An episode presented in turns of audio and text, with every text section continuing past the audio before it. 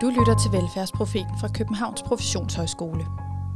I Velfærdsprofeten afdækker vi aktuelle og fremtidige udfordringer i den danske velfærdsstat, så du får ny viden og idéer til, hvordan velfærdsstaten giver værdi for borgerne.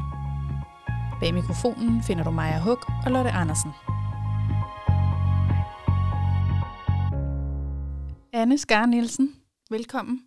Vi skal, vi skal snakke lidt om pædagogernes mm. fremtid i dag. Det er mit yndlings, yndlingsmennesker, det er pædagoger. Det eneste, de mangler, er chokoladeovertræk. Så vil jeg bare sidde om... det må du altså gerne lige sige noget mere om. Hvorfor det? Jamen, det er bare de dejligste mennesker at holde foredrag for, og når man møder dem, det er, du ved, de er bare så, mm. og hvad er det? Øhm, de er de eneste, som, øh, når de skal på konference, der spørger, om de skal have madpakke med det er det eneste, jeg har oplevet, når man... Øh, nu, og jeg kommer jo rigtig meget ud, ikke? Altså holder foredrag alle mulige forskellige steder for alle mulige typer af mennesker. Og pædagoger, det er de eneste, som når de tager kaffe, så lader de de tomme kander stå med låget åbent. I ved, de der skrue, du, du, du, du, ikke? Og det værste i hele verden, det er jo pepperkots, og så ikke at gå for kaffe om morgenen, og man skal stå med de der, finde ud af, hvad for nogen der er kaffe i. Og de der socialpædagoger, de tømmer dem, og så skruer de låget af, og så lægger de låget omvendt på. Hvorfor? Fordi de tænker over dem, der kommer efter dem. Og det tror jeg bare, det ligger sådan gennemsyret i hele den der måde, den der tilgang, det er, at de har ikke kun blik for sig selv og deres egen opgave, de tænker på, hvem kommer efter mig. Og derfor er de bare dejlige at være sammen med. Pædagoger er fremtiden. Det er, det er fremtidens borgere. Og vi kan også selv spørge, hvis man nu spurgte sig selv, ikke? Lad siger, jeg har to øer. Jeg har to øer, jeg kan komme og bo på. Spurgte resten af jeres liv. Den ene ø, den er befolket af pædagoger. Den anden ø er befolket af folk, der arbejder i en bank hvor vi helst bo. Fem er der ingen, der gider bo over de her bankfolk, vel? Så allerede her forestiller, og det er jo ikke, fordi bankfolk er onde mennesker, det er bare, fordi pædagogerne er bedre. vi lever i en tid, hvor udviklingen går med rivende hast. Når nye teknologier eller services kombineres med hinanden, accelererer hastigheden, og før vi ved af det, er fremtiden over os. Denne podcast handler om, hvordan du kan ruste dig fagligt til fremtiden. Det har vi inviteret fremtidsforsker Anne Skar Nielsen til at hjælpe os med at blive klogere på. Anne er en af Skandinaviens førende futurister. Hun er partner i Universal Futurist, og så har hun for selv en podcast, Foodcast, Væk din fremtidssens. Hun er en tornado i tanke og tale, så vi ser med lidt spænding frem til at tøjle den her samtale, så du kan blive klogere på, hvad du kan forvente af fremtiden i dit virke som pædagog. Podcasten er en del af en serie, hvor vi undersøger, hvad fremtiden bringer for lærere, pædagoger, sygeplejersker, socialrådgivere og ledere i den offentlige sektor. Altså man siger, at empaterne er det næste evolutionære skridt i menneskehedens udviklingshistorie. Øhm, og det er blandt andet fordi, at empater, hvis man sætter empaten over for narcissisten, som sådan to modpoler, så kan narcissisten ikke udvikle sig. Altså de vil altid stå stille, fastfrosset i en bestemt tidslomme. Hvor empaterne, det er jo dem, som udvikler sig, som føler andre menneskers følelser. Og, og to narcissister kan lave en empat. Det er ret sjovt, ikke? Mm. Men det vil, det vil være meget mærkeligt, hvis to empater lavede en narcissist. Så, så man siger faktisk, at, at narci- eller empaterne er det næste skridt i menneskehedens udviklingshistorie. Så, så jeg tror, at vi skal bare have revitaliseret den her, altså at der er nogle mennesker i den her verden, der allerede er der, der allerede er fremtid, der allerede er de her fællesskabsorienterede brobyggere, der ikke er interesseret i at slås, men som er fredskabere og malere, og som endda er så søde, at de lader de tomme kaffekander stå med låget åbent, så vi andre ikke skal spille tiden på at få en kop kaffe. Ja, så pædagoger vil rule the world.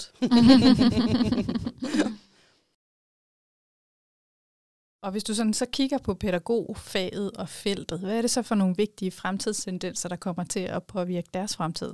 Altså man kan jo se det allerede nu, ikke? Der er jo kæmpe efterspørgsel efter pædagoger. Altså at det er jo noget, som folk gerne vil have, fordi de kan nogle ting i forhold til, at det er sådan en form for der er sådan lidt formløs af møbe over det, ikke? Altså, der er et eller andet form for hul eller et mellemrum, som skal fyldes ud, og så kan man lige gå ind med sådan, kan huske Baba Papa og Baba Mama, mm-hmm. der kunne lave sig om til alle mulige ting. Så man er sådan en lille smule formløs.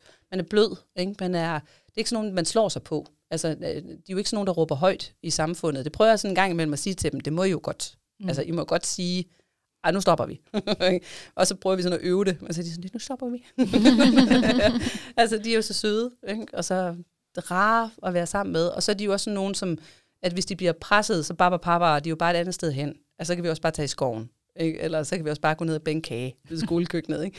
Så de, de smutter jo sådan hele vejen, hele tiden rundt. Jeg tror, det der, det har sådan noget samfundsfedt. Altså det er som fedt på en krop. Altså hvis du har for meget af det, så bliver det helt tungt. Men du skal jo have fedt på kroppen, fordi ellers så fryser du. Øh, du skal have det omkring dine hjerneceller, de der neuronerne og dendritter, for ellers så kan du ikke tænke. Altså, så, det, så de er jo på sådan en måde, nu håber jeg ikke, de bliver ked af, at jeg kalder dem samfundsfedt. men, men jeg tror, de er sådan nogen, som man måske tænker ikke betyder så meget. Ikke? Eller ligesom med fedt, at det skal vi da også lige trimmes. Og så finder man ud af, at det er faktisk rigtig rart. Altså jeg, jeg er da selv blevet meget blødere, federe med, med alderen. Men jeg kan jo godt se, at selvom jeg måske godt selv kunne tænke mig at være mere trimmet, så mine børn, de synes jo det bedste i hele verden, ikke? det er, hvis man kan få lov til at ligge på noget, der er blødt. Så du ikke ligge på sådan en kold skulder, vel? Altså man må gerne ligge på en blød babs. En blød, blød, en blød babs, ja. Jeg tror, vi har meget brug for det der med det bløde, og det rare, og det rolige, og det, du ved, lige ned lidt i tempo, lige med at være her sammen. Tænker du, at med, med forandringen i, hvordan man vil se på det her med, at empati og, og den slags job er vigtig ind i samfundet, at lønnen og prestigen også vil følge med? Åh, det ville være dejligt, hvis det gjorde, ikke? Ja. Altså det igen, hvis man sidder og kigger ud i samfundet, så man siger, hvorfor er det egentlig lige, at folk, der sidder og pumper kloden for olie, de skal tjene så mange penge, ikke? og dem, som så rent faktisk gør en kæmpe stor forskel, hvorfor skal de være så dårligt lønnet? Og det har, det har jo basalt set har det jo nok noget at gøre med, at verden som udgangspunkt er uretfærdig. Ikke? Man skal jo ikke vågne op og gå ind i verden, så tænke, at den er et retfærdigt sted, fordi det er det ikke. Øhm, og det er jo også det, jeg prøver at lære mine børn derhjemme. Ikke? Det er, når de siger, det er unfair, så er jeg velkommen til. På den eneste grund til, at verden er et rart sted at være, det er jo fordi, at rare mennesker står op om morgenen og gør rare ting, selvom de ikke har lyst. Og så er der nogen, der ikke er særlig rare. Men de freerider jo bare på alle os andre. Så får man bedre løn, jeg vil ønske det. Altså igen, når jeg bliver statsminister, så er der sat ned med guld til det hele. Men det her er jo også mennesker, som ikke har søgt den her livsstil, fordi de gerne vil have mange penge. Altså det tænker jeg ikke, jeg ved ikke, pædagoger, der sidder derude, om I har søgt det her job, fordi I skulle score kassen og køre store biler. Altså det vil sige, din, din drivkraft for at søge ind i det her område, det samme som sygeplejersker faktisk også, ikke? Du har ikke søgt det her job, fordi du gerne vil have mange penge. Du har søgt det, fordi du gerne vil leve dit liv på en bestemt måde. Og dermed følger også, at man desværre er pisse dårlig til at forhandle løn, når det kommer til stykket, fordi at man, når, man, når hånden kommer på kogepladen, det her med, okay, er du så også villig til, du ved, for eksempel at strække og være væk fra, nej, det er faktisk ikke, fordi det kan ikke lide, for sådan et ret menneske. Og så fucker man det lidt op for sig selv, så man, man er nem at løbe om hjørner med. Og det er også derfor, jeg siger nogle gange, når jeg er sammen med pædagogerne, ikke, hvis den lige er der, så plejer jeg også at sige til dem på, at I må gerne stille krav, og I må godt sige stop. Når der kommer en eller anden åndssvag analyse af, at nu må, nu, øh, nu må der ikke være, et almindelige pædagoger må ikke være alene, når de skal skifte blæ på børnene. Så skal I jo ikke bare lægge jer ned og sige, nå ja, det må vi da også finde ud af. Så skal I sgu da stille jer op og sige, luk røven. eller, eller hvis, det bliver i hvert fald ikke os. Altså, så må, så må I skulle komme fra kommunen og stå derude og kigge. Så kan I sætte en stol derude, så kan I være dem, der skifter blæ på dem, hvis det er sådan, det er. Altså, man må godt ligesom være lidt, lidt kontant. Altså det der med at være stolt af sit fag. Øhm, det, det har også noget at gøre med, at hvis der er åbent optag altid, så sker der et eller andet inde i mennesker med, at så er det ikke eksklusivt. Altså, hvorfor er det, hvorfor er det mere fint at være læge eller jurist eller sådan noget? Jamen, det er fordi, det er svært at komme ind. Altså, jeg er uddannet i statskundskab. Det den uddannelse er til at lukke op og skide i. men den er svær at komme ind på. Ikke? Og derfor så giver den sådan lidt status, men den er fuldstændig ubrugelig. Så når, når vi laver det her med, at du ved, alle kan være her, så bliver det også bare mindre statusbetonet, og så falder reallønnen. Og så må man sige, okay, kan man leve med det? Skulle et pædagogjob måske være noget, hvor det var normalt, at man havde noget ved siden af? Altså kunne man lave noget mere iværksætteri inden for pædagogjobbet, så det ikke var din eneste indtægtskilde, men at det er noget, du gør, fordi det faktisk beriger dig, men så tjener du pengene et eller andet sted. Det kunne også være noget, man lagde ind, altså uddannelsesmæssigt, ikke? så du lærer at blive iværksætter. Det, det, det er jo ikke så langt væk fra, hvordan det var, før vi lavede skolereformen. Fordi der var det jo typisk sådan, ikke, at hvis du var lærer eller hvis du var pædagog, så valgte du også det, fordi du gerne ville noget andet. Altså at arbejdet for mig var ikke det eneste saliggørende i tilværelsen. Altså spillede du guitar, ikke? eller at du øh, malede, eller altså, at du egentlig gerne ville have en rig tilværelse, og ikke nødvendigvis ville være rig på penge. Nu er vi så heldige, at vi også har fået besøg af videreuddannelsens direktør, Tove Hvid Persson. Velkommen til dig, Tove. Tusind tak skal jeg have. Øh, og vi har jo gjort det sådan, at du har haft lejlighed til at lytte lidt til, hvad Anne har talt om, øh, og det vil vi rigtig gerne tale noget mere om mm. lidt mhm. senere, så vi kan få dine perspektiver på det. Men først så synes vi også, du skulle have lov til at sige noget helt af egen konto om, hvad du ser, når du kigger ind i pædagogernes fremtid. Jeg tror, jeg vil starte med at sige, at jeg er nok ikke først og fremmest futurist. altså, øh, jeg, jeg var meget præget af det, som øh, jeg hører lige nu. Og det, det er jo det, jeg i virkeligheden også tager rigtig meget tegn af.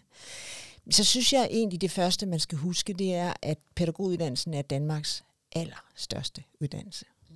Der bliver uddannet rigtig, rigtig mange pædagoger, så der er faktisk rigtig mange unge stadigvæk, heldigvis, der gerne vil være pædagog. Der er rigtig mange unge, som vedvarende er optaget af, at de gerne vil ud og gøre en forskel for nogen. Og vi skal sørge for, at det stadigvæk er vanvittigt attraktivt at være pædagog øh, i børnehaver og i øh, institutioner. Og der er der nogle udfordringer, når vi kigger i dag. Og det synes jeg, der er værd at tale om, også i et fremtidsperspektiv. Mm. Og øhm, når du snakker om de her udfordringer, mm. som du ser allerede nu, og måske Mhm. også vil være i fremtiden, kunne du løfte sløret for nogle af dem? Hvad er det, du tænker er de største udfordringer? Jeg tror, den allerstørste udfordring for pædagoger, det er, at de øh, har en oplevelse af, at de ikke slår helt til som pædagoger. At de ambitioner og de drømme og de ønsker, de har for de børn eller udsatte voksne, de arbejder med, at dem får de ikke indfriet. Fordi der er for få hænder, der er for travlt, der er for komplekse problemer.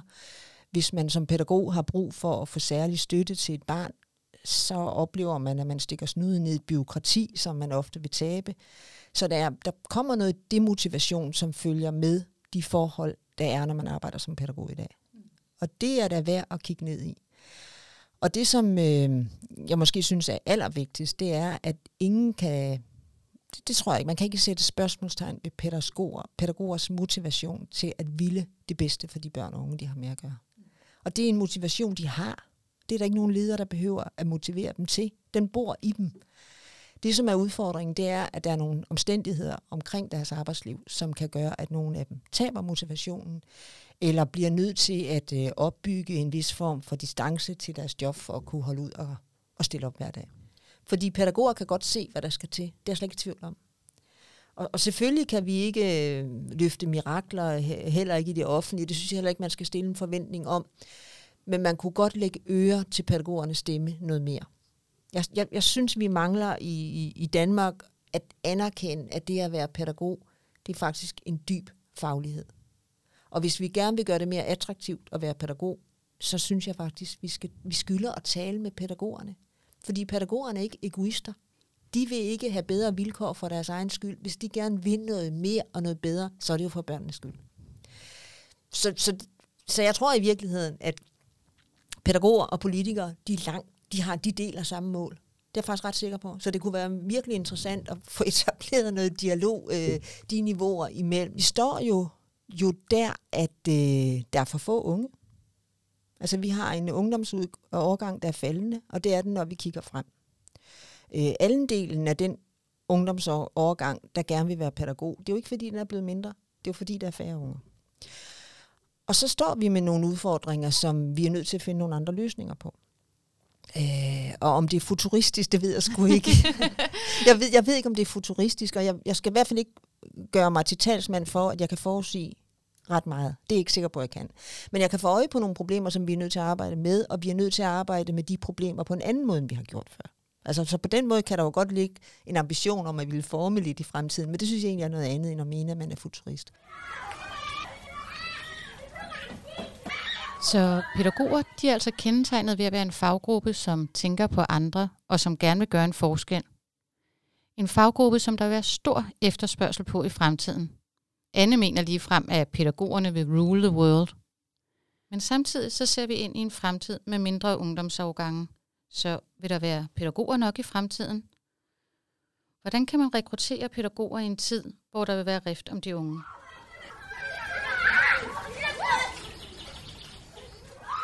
Hvis vi gerne vil blive ved med, at lærer- og pædagogarbejde skal være attraktivt, så, øh, så er vi også nødt til at tilbyde nogle vilkår, hvor man faktisk gør, kan gøre sig sindssygt dygtig som lærer, sindssygt dygtig som pædagog, og ikke nødvendigvis til de samme ting, men til forskellige ting. Og en moderne institution vil også have brug for øh, dybdefaglighed på mange forskellige ting, fordi børn er komplekse, de behov, de kommer ind med er komplekse, og det vil kun fortsætte. Så specialisering bliver vi nødt til at arbejde med. Men jeg er ikke sikker på, at det er på bekostning af en kernefaglighed. Jeg, jeg kunne meget bedre se for mig, at, øh, at, man, at uddannelse ikke er slut, når man har taget sin grunduddannelse. Og sådan er det jo på en eller anden måde i dag. Vi bruger jo 98 procent af alle de offentlige midler inden folk er 30. Det jeg tror jeg, det er der har lavet den undersøgelse. Og de sidste 2% bruger vi så på livslang læring og på karriereudvikling. Og det er skidt. Det, det synes jeg faktisk er frygtelig skidt.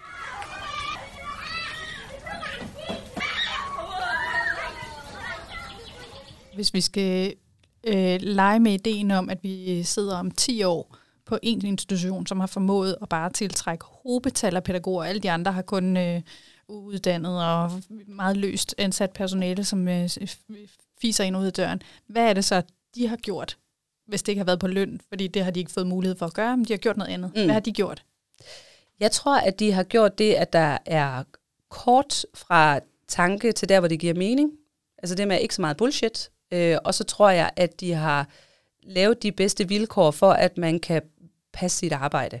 Øhm, jeg tror faktisk også på, nu, man snakker om mig der som sådan noget silonedbrud, øh, og det er jeg ikke sådan helt sikker på, at den rigtige vej. Eller også kan det godt være, at det silonedbrud for at lave en anden type af siloer. Fordi jeg tror, at det vi kommer til at gøre i fremtiden, det er, at vi bliver mere ligesom en levende organisme. Så det vil sige, at en, en krop er jo et sådan steady state af ting, der hele tiden, og processer, der hele tiden er i forandring.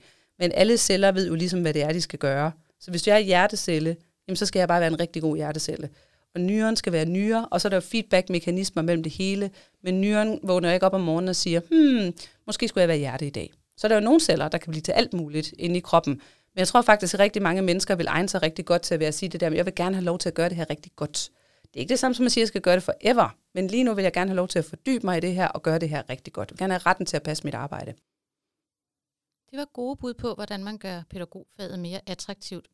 Men det løser jo ikke ligefrem udfordringen med de små ungdomsårgange. Så vi spurgte lige en gang til.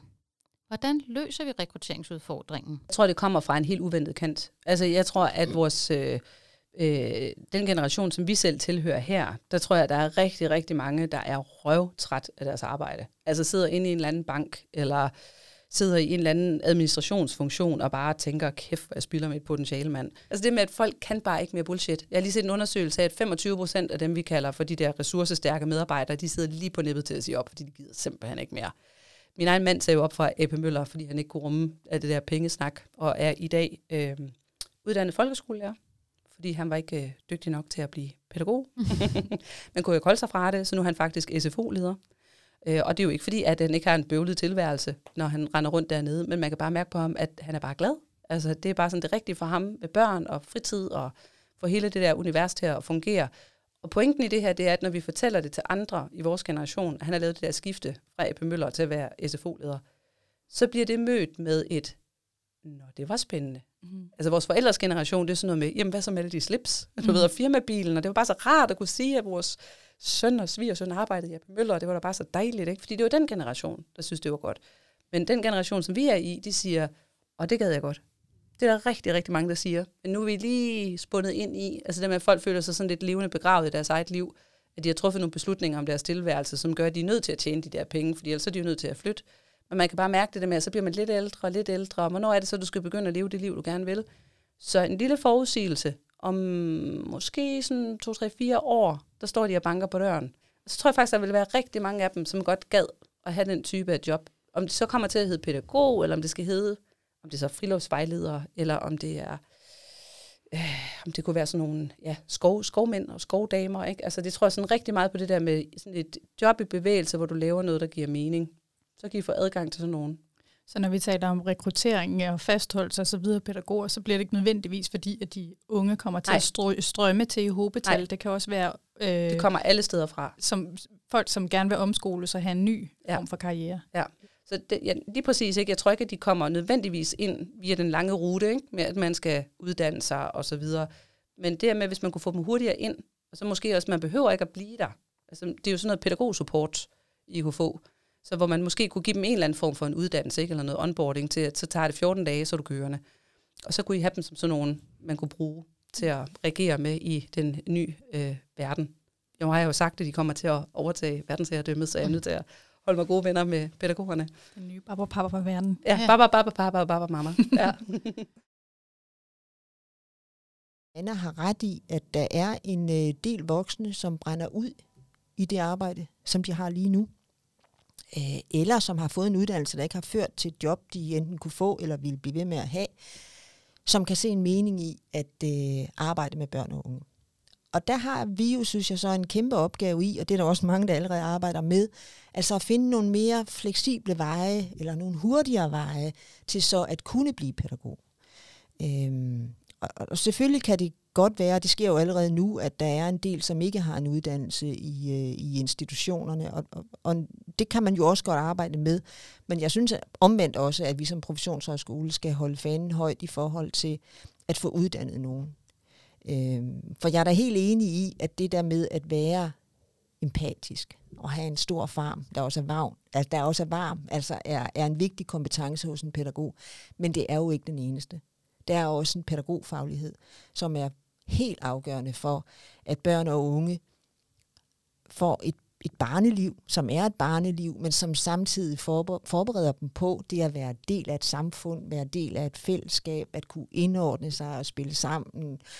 Og det, det kræver en faglighed at få det til at fungere i nogle gode processer.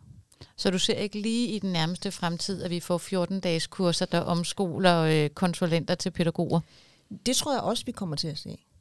Fordi øh, der, der er jo ikke nok uddannet, og der, og der er jo allerede nu masser af ikke uddannet. Og for dem er det da helt afgørende og super godt, at øh, de får nogle forløb, der gør, at de bedre kan også altså, tale sammen med pædagogerne og planlægge sammen med pædagogerne. Det synes jeg jo er, er, er fuldstændig afgørende. Men jeg tror, at man skal blive ved med at holde den faglige fane højt og sige, at den, den, den dybe faglighed, som pædagoger har, selvom de ikke bræller med den, det gør de jo ikke, den skal være til stede i vores institutioner. Hvad med pædagogerne selv? Der talte vi jo lidt med Anne om det her. Kunne der komme nogle hybridformer? Altså, det var jo hendes bud, at der kunne komme nogle, jeg tror hun kaldte det skovdamer, skovmænd, eller altså sådan, hvor vi måske kunne se nogle, nogle, øh, noget, nogle pædagoger, som får en eller anden toning på deres faglighed. Der er jo altså, det, det sker jo allerede, at der, der er jo flere og flere steder, hvor man ansætter pædagoger.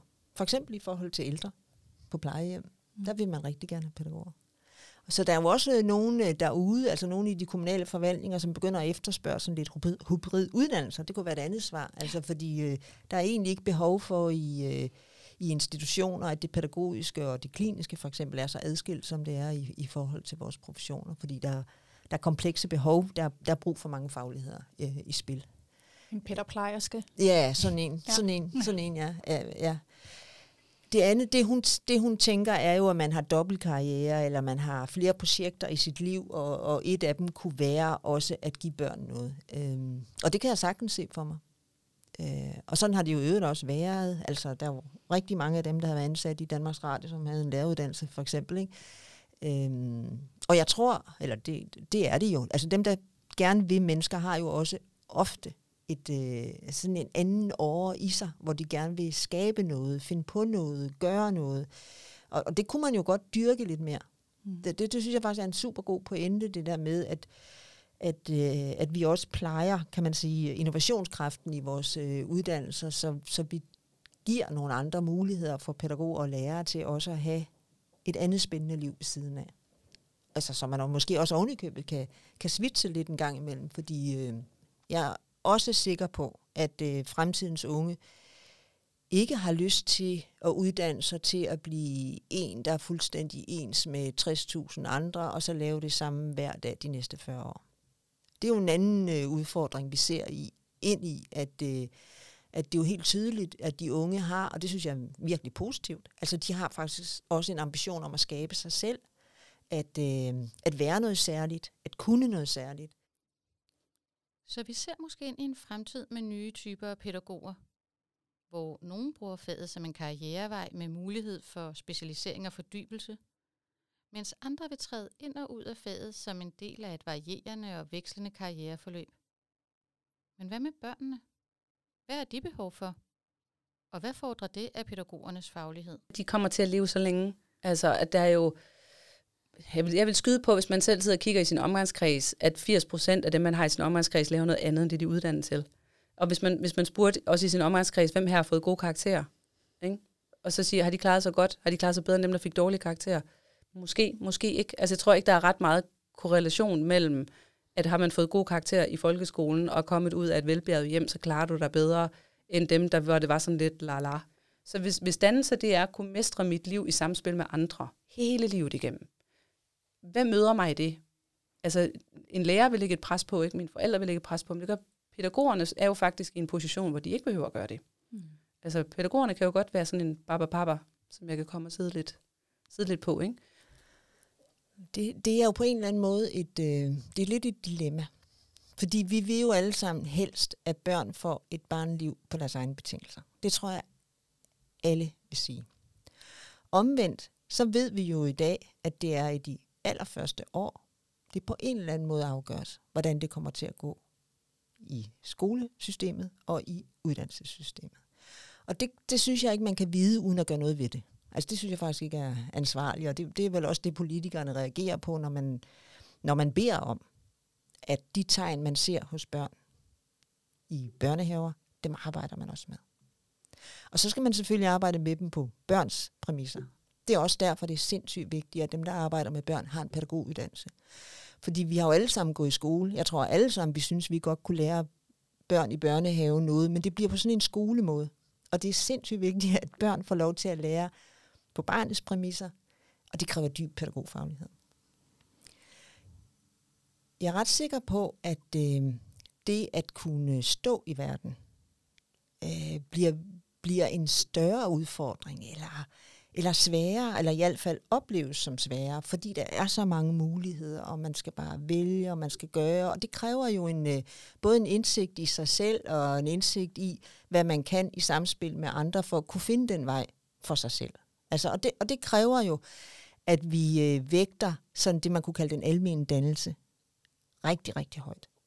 Det mener altså også pædagoger gør. Men, men det, det er vigtigt at blive ved med. Det er vigtigt, at det er det, vi står på. Og det er jo det, en, øh, en børnehave kan. Altså det er jo det, en offentlig børnehave kan. Det er at tilbyde et sted, hvor der er alle mulige forskellige børn, der kommer forskellige steder fra. Der er forældre, der kommer ind i den institution, som ser forskellige ud, som taler forskellige. Og det er jo en helt afgørende vigtig forberedelse til det at skulle stå i verden selv på et eller andet tidspunkt. Øhm, det, det bliver i hvert fald ved med at være helt afgørende og helt vigtigt, at, at vi tager fat i. Men jeg tror egentlig ikke. Altså når, når man gør det godt, så det at arbejde med ting i verden, altså at arbejde med naturen, eller arbejde med sproget, eller arbejde med ens egen krop, eller med mad, det, er jo ikke, det behøver ikke være en modsætning til at lære at være i verden. Så det kommer jo rigtig meget ind på, hvordan man arbejder med det. Så nu siger jeg bare igen, pædagogfaglighed. Altså, det, det er helt utrolig vigtigt. Det er helt utrolig vigtigt. Fordi man kan sige, at vi ser jo også en bølge af sårbare børn, ja. øh, som på en eller anden måde virker som om, de måske bliver væltet lidt netop af det, det samfund, der bare drøner afsted. Så, så hvad er pædagogopgaven der i forhold til det vores fremtidige generationer, vi kigger ind i? Jamen, det er jo på en eller anden måde noget af det, som egentlig er nyt. At der er flere og flere børn, som øh, bliver henvist til specialtilbud allerede fra børnehaven af. Og når de bliver henvist allerede fra børnehaven af, så ligger der i kortene, at de aldrig kommer i en almindelig folkeskole, at de går videre i specialskoler. Og hvis man kan undgå det, så er det jo for, for alle skyld altså virkelig vigtigt. Så det der med at kunne håndtere børn med særlige behov, at være øh, virkelig gode til inklusionsopgaven, det er jo noget, som også mange børnehaver siger i dag, det er faktisk blevet en af de vigtigste opgaver for os. Og en ting, når man er pædagog, øh, hvis man arbejder med børn, pædagog er jo en ret bred mm. funktion, man kan også arbejde med udsatte voksne. Ja. Men øh, når man arbejder med børn, så har man både børnene, men man har jo også forældrene er jo også en vigtig del af det pædagogiske arbejde. Kunne du sige noget om, at vil der være nogle nye udfordringer eller opgaver eller kernekompetencer, som det fordrer at arbejde med forældrene i fremtiden? Jeg tror, mange pædagoger vil sige, at de allerede har fremtiden helt op i panden. Forstået på den måde, at børn jo, eller forældre jo er måske i dag endnu mere optaget af, hvordan deres barn har det, hvordan det trives, hvordan det klarer sig. Og det lægger jo sådan et, et, et pres på pædagoger øh, i forhold til at øh, kunne godt gøre, hvordan det går, og, og, og vejlede. Øh. Og, og forældre er jo, øh, de, de er jo også kritiske i forhold til, til det offentlige. Og de, øh, de vælger jo med omhu, hvor de placerer deres barn. Øh, så det giver da en, en særlig øh, dimension i, i samarbejdet mellem øh, forældre og børn. Øh, hvis jeg skulle kigge ind i fremtiden, så, så vil jeg, jeg ved det jo ikke, for jeg er ikke futurisme. Jeg, find, jeg vil jo håbe, at vi kommer hen et sted, hvor vi slapper lidt mere af. Altså hvor forældrene ikke har øh, så massive for, forventninger til, at deres børn skal klare sig godt og klare sig bedre, end de selv har gjort. Fordi den, den udvikling kan jo ikke fortsætte. Altså, vi kan jo ikke alle sammen ende med at være prof- professorer og forskere. Øhm, og øh, et eller andet sted, så kunne det jo være godt, hvis de professionelle kunne være med til at øh, bibringe forældrene den der ro. Altså at, øh, at dit barn er glad, er god til at lære, finder på sjove ting, griner, øh, taler. Øh, og at man, man finder tryghed i det, øh, og at øh, ting nok skal gå så alligevel.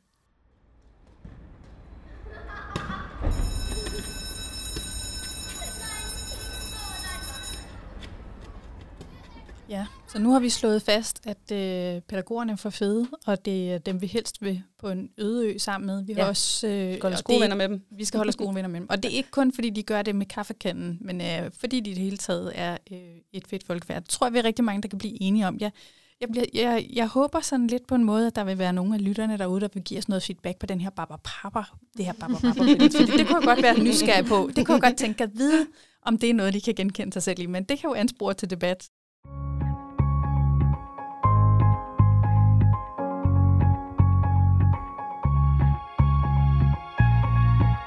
Det er spændende det her med at krasse lidt i overfladen og se, om man kan kigge ind i fremtiden, eller krasse lidt i krystalkuglens overflade og se, om man kan se ind i fremtiden. Hvad, øh, hvad tænker du om den her øh, empatiske ø, som øh, Anne får tegnet frem? Ser du den for dig? Jeg ser den for mig, og jeg er der. Jeg sidder der med min pina colada. Ej, jeg synes, det lyder som helt klart et dejligt sted, hvor man har lyst til at være. Altså på mange måder det her billede på en mere empatisk verden, tænker jeg. Befolket af babapappaer. Lige præcis. Jamen, det lyder da simpelthen så dejligt, altså. Og jeg synes også, det med Baba Papa er et godt billede. Måske er det ikke et billede, der ligesom rummer den der dybde faglighed så meget. Nej, helt sikkert. Det, kunne du, hvad, hvad mener du? Måske tænker vi ikke helt det samme. Jamen, jeg tror, jeg tænker, at øh, jeg får et billede af en, der ligesom bare er glad og rundt af natur. øh, og hvor det der med at give en ordentlig krammer bare kommer fra hjertet. Hvor jeg tænker, det er jo, det er jo, der er jo mange andre ting i at være pædagog, og det var Tove også lidt inde på. Og det er måske ikke rummet så godt i det billede, selvom Anne jo også talte om fagligheden som pædagog, så er det måske ikke rummet så godt i Papa-billedet. Og så taler Anne også om, at der måske kommer de her to typer af pædagoger. En type, som vælger øh, pædagogfaget som en karrierevej, mm. hvor man kan specialisere sig og fordybe sig inden for et felt og dygtiggøre sig inden for det her felt.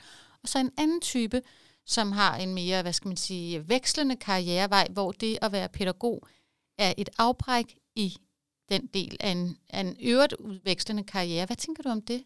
Jamen altså, jeg tænker, øh, altså, vi har jo til sammen, Lotte, øh, hvis vi tæller alt med syv børn. Ikke? det er ret vildt, ja. Det er ret vildt. Så vi har jo helt sikkert begge to oplevet de der pædagogmedhjælpere af forskellige karakterer, som er kommet ind med en eller anden særinteresse, og i løbet af en uge, så alle børnene vil gå til rollespil. Fordi det var bare det fedeste, og Peter var bare den fedeste. Til gengæld forsvinder Peter så igen efter et par år, øh, og har ikke det der lange, seje pædagogtræk, som jo også skal til. Øh, men jeg tror, så på den måde, så har vi jo set nogle eksempler på det, og det er måske det, som skal forfines og udvikles noget mere, kan man sige. Og der tror jeg, at den store kunst bliver, hvordan kan vi så få de ting til at spille sammen? Altså dem, som er optaget af pædagogik for pædagogikkens skyld, og dem, som har en profil, som er meget mere optaget af et fælles tredje, kan vi få det til at spille rigtig godt sammen. Ja, fordi man kan sige, at forskellen er måske lidt, at det er de unge, der kommer ind, som er på vej, mens dem andre taler om, det er nogen, der måske allerede er i karriereforløbet og kommer ind og med en anden forventning om at være måske mere fagligt ligestillet med pædagogerne. Så jeg kunne godt se for mig, at der kunne opstå nogle øh, faglige kampe der, hvor jeg forestiller mig, at nogle af de her unge pædagogmedhjælpere, de er mere ydmyge over for pædagogernes pædagogiske kompetencer. Mm, ja, det kommer til at kræve virkelig meget gensidig respekt. Altså, der skal, det, der skal arbejdes målrettet hen mod, at den, de to typer af grupper bruger hinanden konstruktivt. Ja, så der ikke bliver de her de lidt kedelige, voksne, rigtige pædagoger mm. og de spændende vikarer, som øh, bare er festen. I hvert fald ikke mere, end øh, man ikke helt kan undgå. Sådan er det jo på en eller anden måde altid. Det ved man jo godt som mor i hvert fald.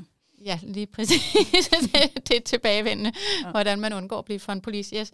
Ja. Øhm, og så synes jeg bare, at det her med at se ind i fremtiden, det er vildt spændende. Vi aner jo ikke, hvad der kommer til at ske, og, og tænke, hvad er det egentlig? Og vække vores fremtidssans, som Anne taler om, det synes jeg er lidt spændende. Og der kan man jo sige, der synes jeg at nogle af de ting, som måske kan provokere mest, eller sådan, som Anne taler om, er jo også noget af det, der vækker fantasien. Øh, og det synes jeg er super fedt, at vi begynder at bruge vores fantasi og tænke, hvad kan der måske, og hvor kunne jeg måske tænke mig, det går hen Det, kan, det, det synes jeg er så spændende. Yes, og hvis det har rejst nogle tanker hos jer, der lytter med, så bland jer endelig. Vi er både på Instagram og på Facebook, og vi vil meget gerne høre, hvad I tænker, der ligger i pædagogernes fremtid. Og hvis du er blevet nysgerrig på det her med at kigge ind i fremtiden, også for nogle andre faggrupper end pædagogerne, så kommer der også en episode om socialrådgivere, en om sygeplejersker, en om ledere og en om lærerne.